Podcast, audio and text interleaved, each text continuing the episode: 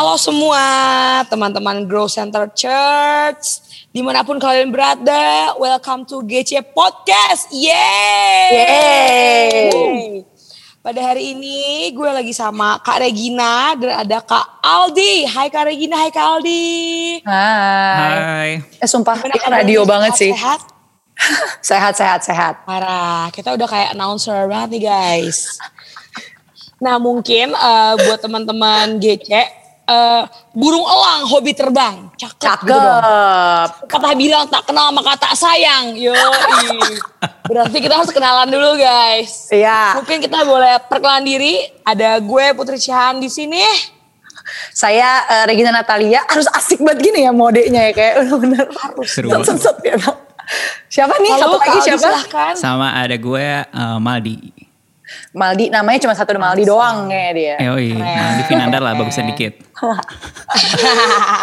Hari ini kita mau ngobrolin apa sih sebenarnya? Kita bertiga nih rame, tapi kita mau ngomongin apa coba Put?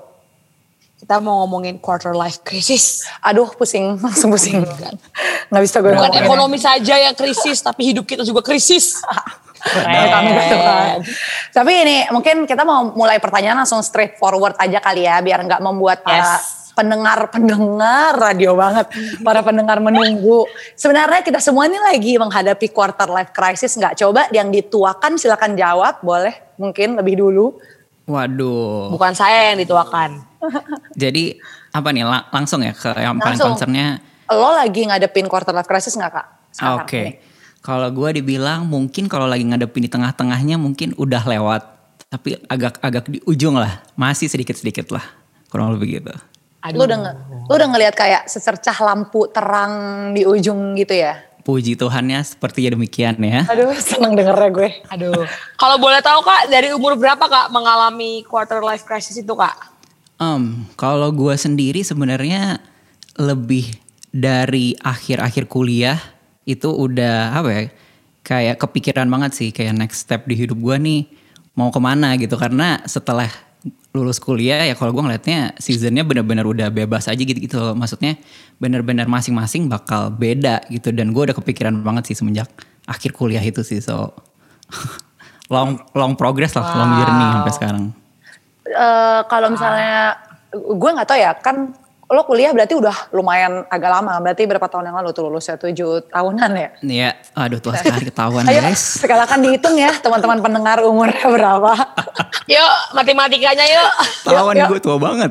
dicoba yuk dicoba Eh, nah dari selama lo kuliah sampai sekarang sebenarnya kan lo melewati beberapa fase kayak quarter life crisis yang lo bilang kan di tengah mungkin udah enggak tapi sekarang udah di ujung Eh, yang paling lo concern banget tuh sebenarnya aspek apa sih yang yang menjadi Yes. pusatnya Ya, krisis ini tuh Ya sebenarnya kalau ditanya setiap mungkin kayak bertambahnya umur itu ada aja sih sesuatu aspek yang baru gitu. Cuma yang paling-paling kalau even sampai sekarang ya yang gue kepikiran banget itu di bagian career and achievement sih. Di bagian ini itu matters banget jujur buat buat gue dengan segala hal yang udah gue lewatin itu em, membentuk pemikiran gue, membentuk mindset gue, membentuk perspektif gue untuk nganggep ini tuh matters banget di hidup gue.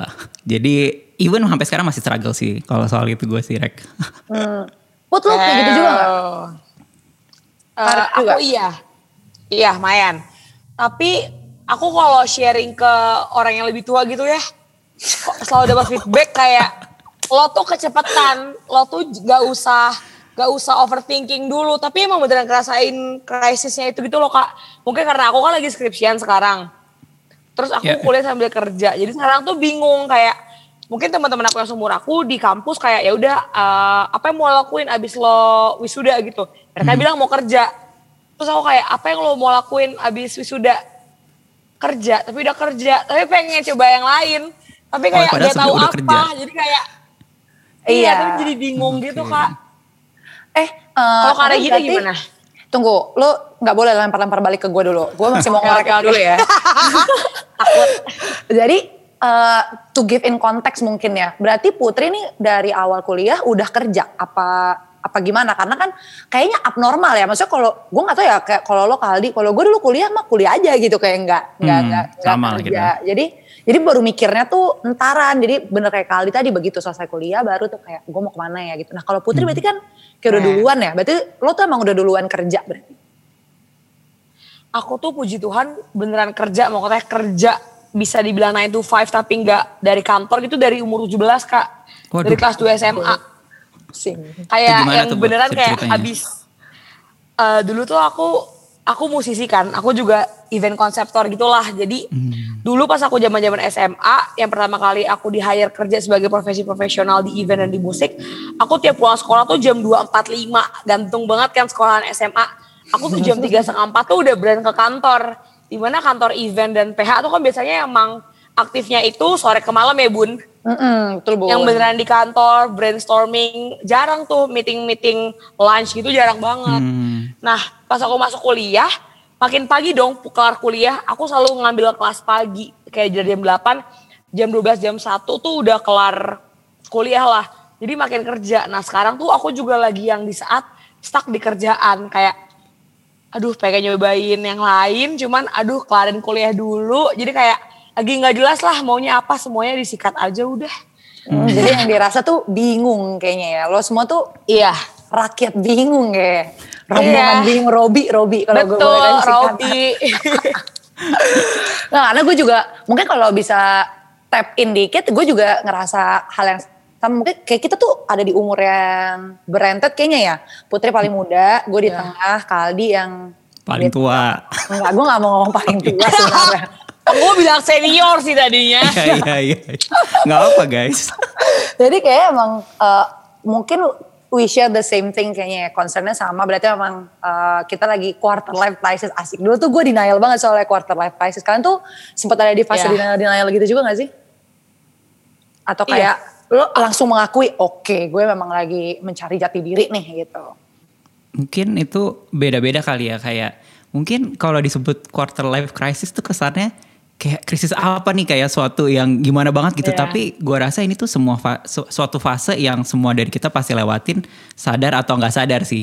Begitu menurut gua sih quarter life crisis itu ketika kita tuh masuk ke stage yang di mana awalnya kita nih dikasih tahu nih pokoknya lu abis, abis nih harus ini ini ini.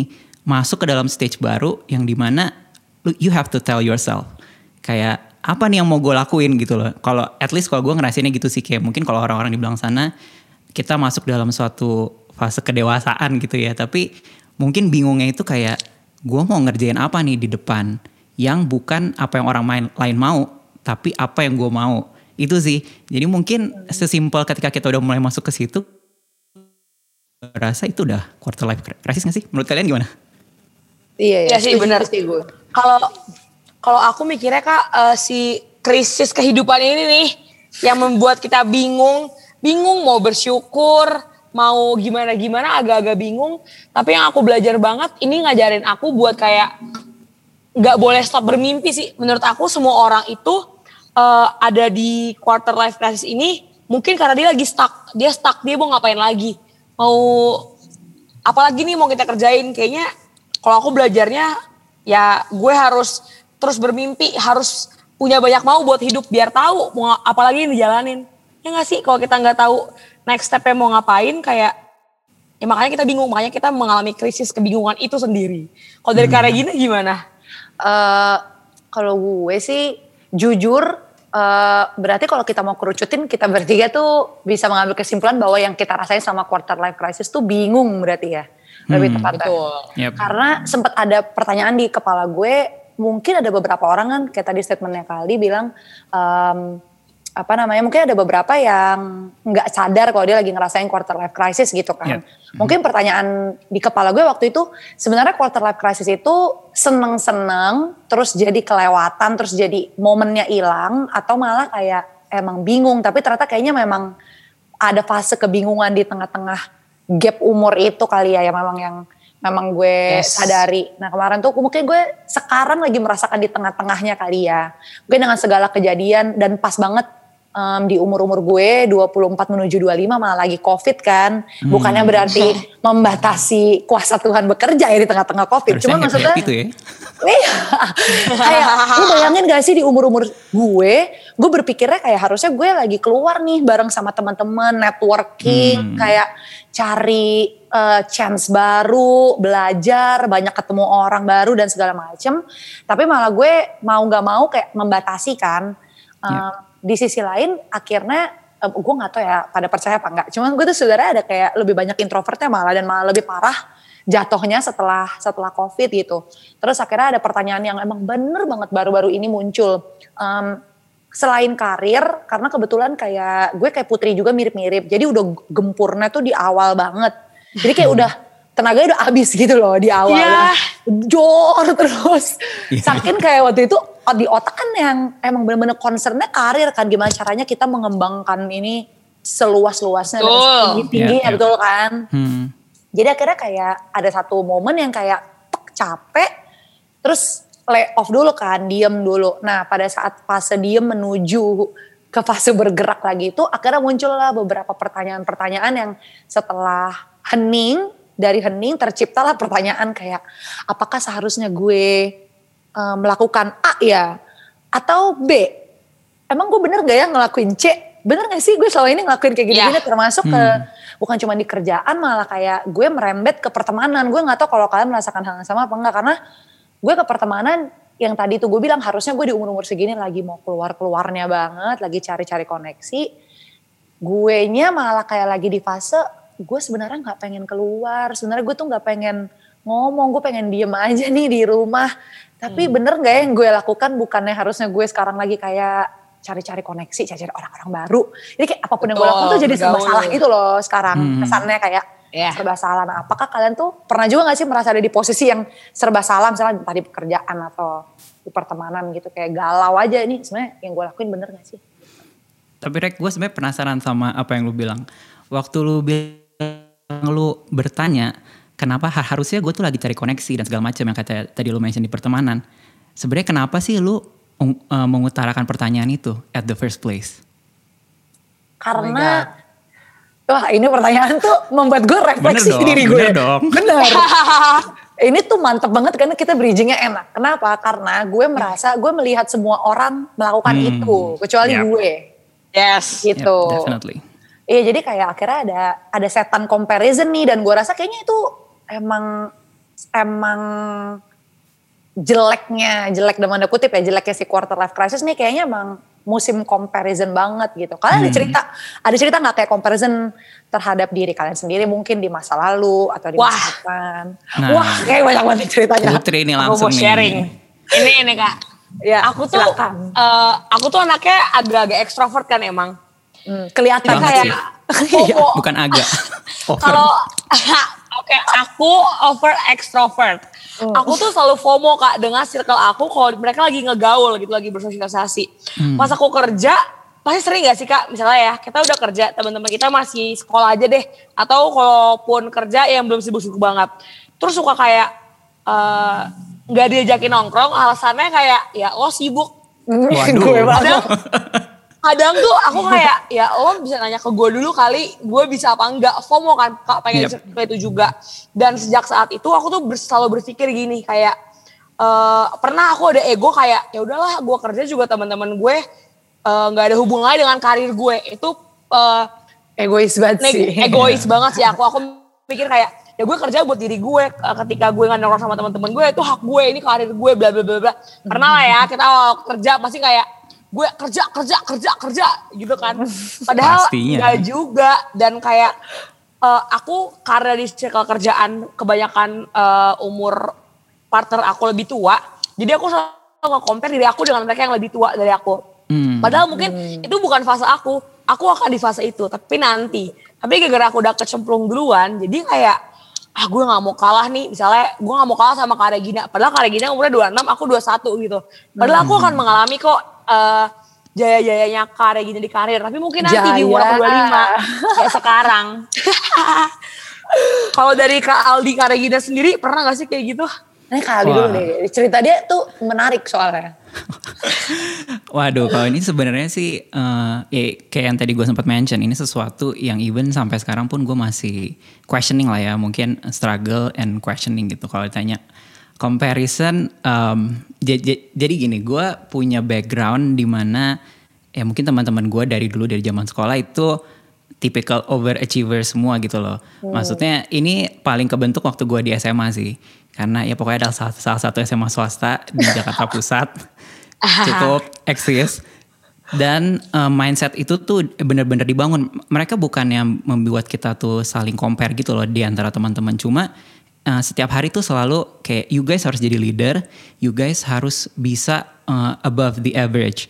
Itu yang yang selalu gue tuh dulu tuh santai banget orangnya kayak ya udahlah kita lakuin yang terbaik aja and then ya udah tapi kalau di situ tuh kayak terbaik itu nggak cukup lu tuh harus punya kayak kayak standar gitu loh ada di sini lu harus dia ada di atasnya dan semenjak okay. itu nyambung kayak yang kayak yang tadi Regina sempat mention gue start dari situ masuk kuliah pun kayak kuliah gue harus yang tempat yang salah satu yang the best lah ibaratnya menurut gue and then after itu pun gue ngeliat kayak satu hal yang mungkin jelek banget sih.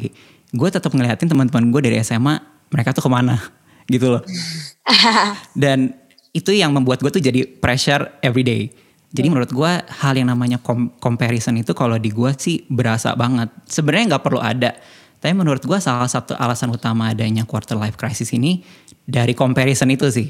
Hmm. Tapi kalau dibilang kita mau bilang uh, ya kita jangan compare lah. Menurut gue it's easier said dan dan hmm. karena after kita ngomong kayak gitu besok kan kita akan ngeliat lagi nggak sih kayak teman-teman kita tuh udah ada di mana mereka yeah. ngelakuin apa yes. and so on so on sih itu sih jadi kayak itu yang gue alamin banget kalau lu gimana rek kalau gue kayaknya gue ada di antara dua deh cuman Putri tuh kan tadi dia ngelihat ke atas kan dia ngerasa kayak harus ngejar gitu padahal hmm. faktanya ya nanti dia akan belum melalui waktunya. itu belum waktunya nah kalau Kaldi kan ngelihat yang serata kan, yang yeah. sama sederajat, sederajat as in seumuran gitu. Yeah. Gue tuh malah ngelihatnya ke bawah, jadi gue kebalikannya. Dan hmm. bahkan bukan orang yang gue kenal okay. gitu. Jadi kalau Putri ngelihat temen, Kaldi ngeliat temen tapi atas sama rata, gue tuh ke bawah dan gue nggak stranger. Which is sebenarnya setelah gue pikir-pikir lagi, kalau gue pikir-pikir lagi tidur gitu ya, ngapain coba, lu juga nggak kenal, lu nggak tahu ceritanya di belakang kayak apa, usaha dia kayak apa, gue nggak tahu. Misalnya contoh, uh, this is actually the main reason kenapa gue akhirnya nggak nggak main Instagram lagi. Eh, by the way, Put Kaldi masa nggak punya Instagram dari dulu. Wadaw. Tapi hidup dia juga ternyata masih ngeliatin orang ternyata.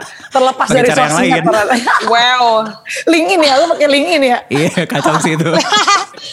Karir banget. Karir banget, asli. Jadi gue tuh akhirnya memutuskan kayak dari November, ya November tahun lalu, gue bener-bener gak buka Instagram ya paling cuma ngepost satu dua yang memang penting gitu. Dan gue restrict myself lah ya cuma buka Twitter doang.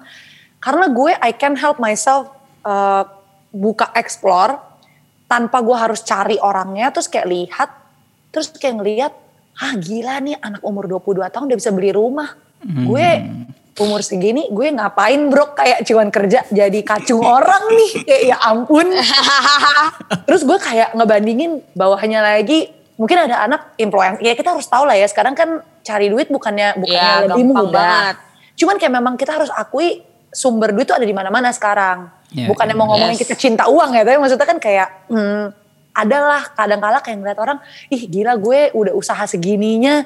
Gue cuma dapat segini doang. Dia usaha kayak gitu dapatnya seberapa misalnya kayak gitu entah itu dalam segi pendapatan atau mungkin karir gitu kan pencapaian-pencapaian dalam hidup entah mungkin dia udah jadi bisa uh, networking ke luar negeri ketemu sama siapa dan segala macam gitu-gitu hmm. jadi kalau gue lebih ke arah comparisonnya ke situ akhirnya gue bukannya mau menyalahkan sosial media ya gimana pun Tuhan juga kasih kita self control kan sebenarnya gitu yeah, tapi yes. gue akhirnya ngekat salah satu sumber lah sumber masalah dalam hidup gue gue kata aja tapi ternyata nggak berakhir di situ memang ya bun karena kan kita ketemu orang juga maksudnya kita ketemu orang kita ngobrol tahu misal gue ngobrol sama Putri gitu Put gimana sekarang apalagi ya kalau di umur gue sekarang kan kayak ah. udah mau nikah mungkin ada yang persiapan sama pacarnya udah Waduh. kayak udah kayak ah gila umur segini udah punya duit buat nikah, nikah.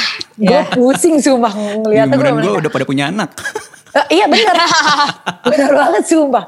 Makanya gue kayak jadi jadi jadi agak bertanya-tanya dan akhirnya malah jadinya menyerang identitas gue kan, kayak yeah. jadi mempertanyakan keputusan gue, apakah gue salah ya kemarin uh, ngeplay kerja ke sini atau apakah gue salah ya uh, ngambil keputusan ini, uh, salah gak sih gue istirahat bentar, apa gue harusnya lari terus ya? Jadi akhirnya kayak mempertanyakan diri sendiri dan menurut gue kalau di gue di kasus gue yang paling jahat itu sih mempertanyakan diri sendiri. Untungnya Tuhan baik dan datang di tengah-tengah dan yang kayak bilang uh, satu hal yang emang gue nangkep banget adalah waktu itu uh, disuruh stay in my season aja. Akhirnya ya hmm. ya udah kita gue pakai kacamata kuda aja mau nggak mau kayak ya udah bukannya gue nggak mau lihat ke depan. Iya, gue bukannya gue nggak mau lihat dia pencapaiannya apa, tapi kayak oke okay, mungkin progres gue sama progres dia beda kali ya sama yeah. larinya gitu. Itu itu gue sih. Duh, wow. capek ya me, me, me, mendeskripsikan hidup dua tahun doang loh padahal. Dua tahun loh ya ampun. Oh my god.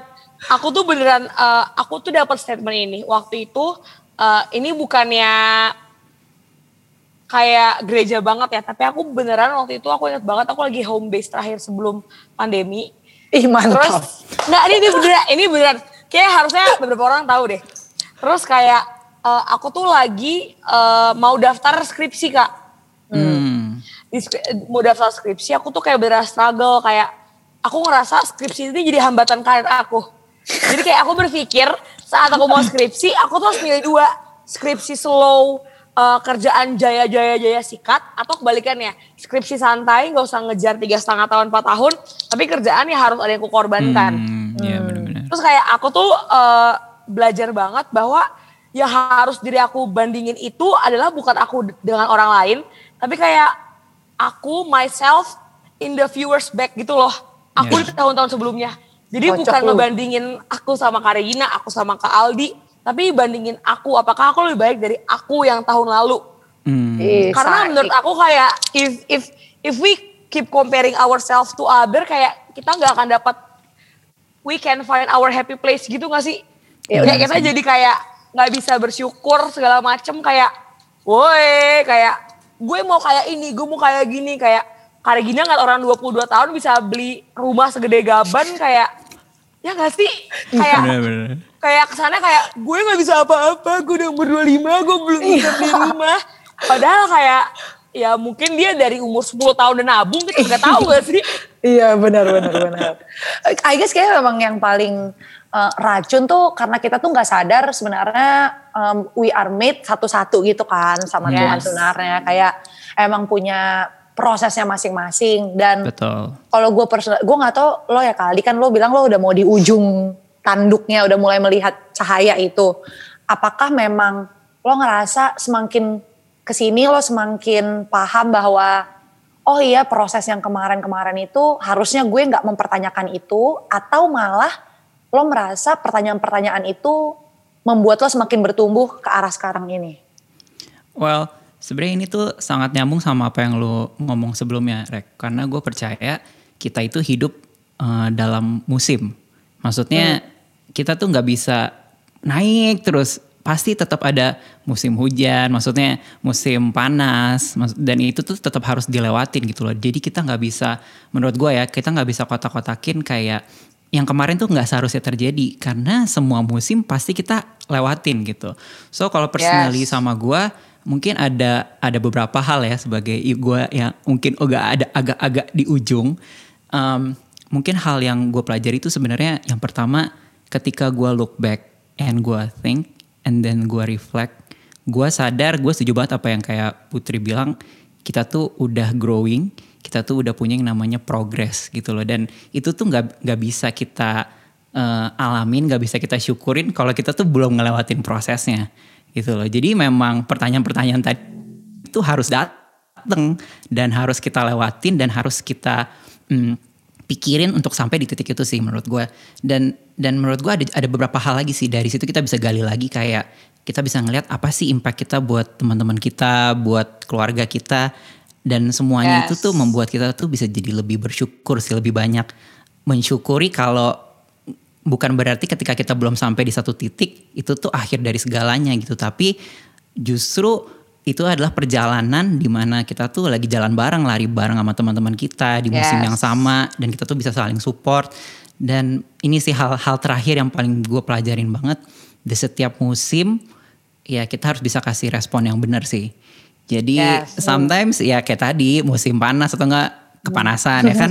Terus musim hujan kebanjiran, semuanya komplain, semuanya benar. salah, nggak ada yang benar gitu kan di setiap itu. Tapi em, ketika kita bisa kasih respon yang benar, kayak tadi kalian berdua bilang, kayak ketika kita ingat lagi sama Tuhan, Tuhan itu yang lead kita, itu sih maksudnya mungkin problemnya tetap ada, tetap kita tuh tetap always kalah, tetap comparing gitu. Tapi kita tuh bisa dapetin peace itu sih yang menurut gua beda banget eh, sama mungkin hal-hal di, di luar sana, di di dunia di luar sana. Ketika kita dapetin peace itu, ya apa pun yang kita lagi lewatin, kita mengucap syukur and just go on. Kalau belum sampai, do it again. Kalau gagal, Yes. lanjutin lagi. Itu sih yang mungkin ya semakin kak nanti berumur kalian juga akan lebih banyak berpikir sih.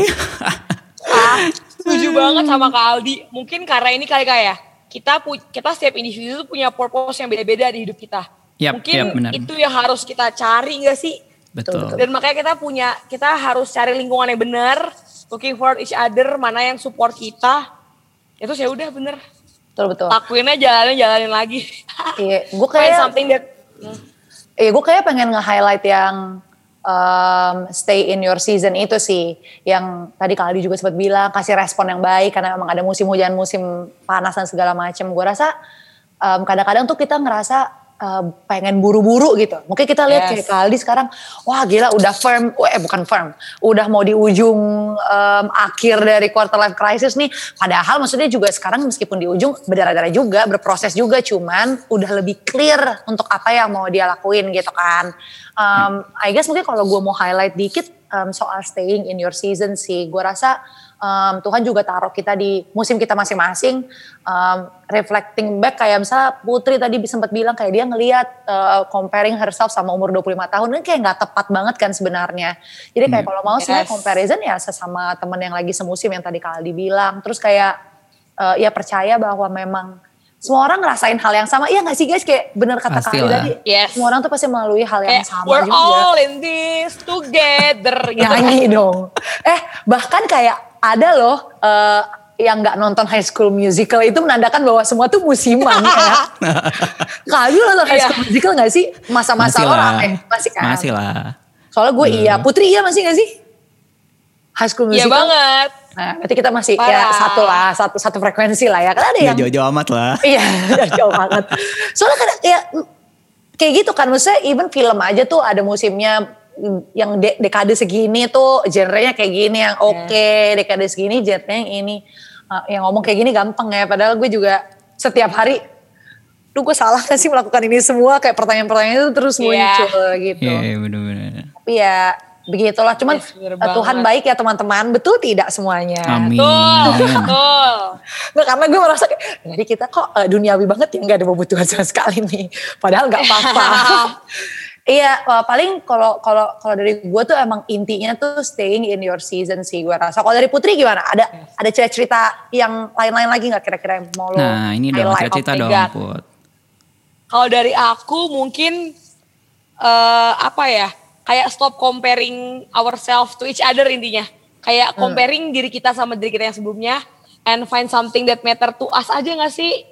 Kalau dari aku sih gitu. Kalau dari Kak Aldi gimana Kak? Untuk menutup podcast kita kali ya. Waduh, ini sebenarnya gue mau share something sih. Jadi eh, a- Oke. ada hal yang mungkin gue gua pernah lewatin gitu ya. Eh, dulu gue pernah business trip overseas, eh, puji Tuhannya kalau keluar eh, ke Europe pernah dan satu lagi pernah ke India gitu. Apa sih yang poin utamanya? Waktu gue ngeliat ke situ dan gue kan maksudnya eh, ada sekian eh, beberapa lama lah gitu. Bukan kayak liburan kan. Kalau liburan kita cepet. Tapi di situ gue kerja and then gue lihat gue ngobrol sama orang-orangnya. Dan gue sadar ketika kehidupan kita nih apa yang kita mungkin rasa oh normalnya di umuran kita tuh udah ngelakuin ABC tapi ke- ternyata di belahan dunia lain it's very different gitu loh. Wak- wak- waktu di Europe yang mungkin mereka udah terbiasa hidup mandiri individual and, and and udah ngurus dirinya sendiri masing-masing. Tapi waktu gua ngeliat ke India people are still struggling gimana caranya bisa hidup bisa makan. So pel- pelajarannya adalah gua ngeliat banget ya comparing ya ap- karena kita, kita tuh ngelakuin comparison karena kita tuh cuma ngeliat apa yang bisa kita lihat.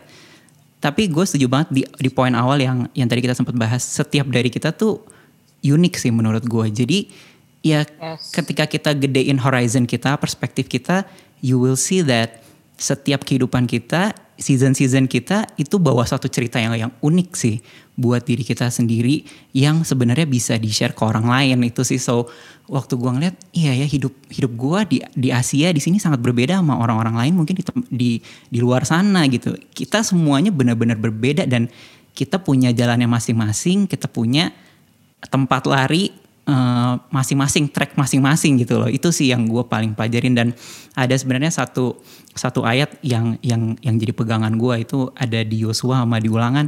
Intinya dibilang bukan telah telah kuperintahkan kepadamu kuatkan dan teguhkanlah hatimu. Janganlah kecut dan tawar hati sebab Tuhan Allahmu menyertai engkau ke mana pun engkau pergi.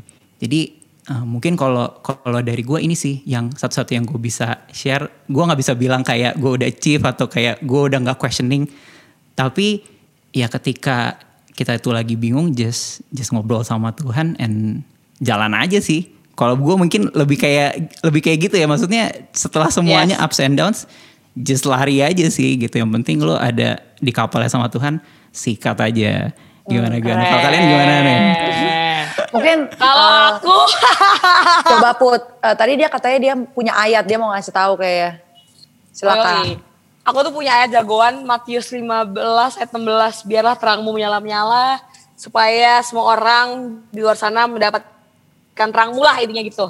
Karena aku Mantap. belajar banget dengan itu sih kak kayak tiap balik lagi kayak tadi yang aku cerita tiap orang punya purpose masing-masing punya terang masing-masing. Jadi kayak let's go forward, stop comparing ourselves sama each other. Kalau kayak gini gimana? Ah, ketahuan kan gue jadinya. udah, Lagi udah durasi ayat ya?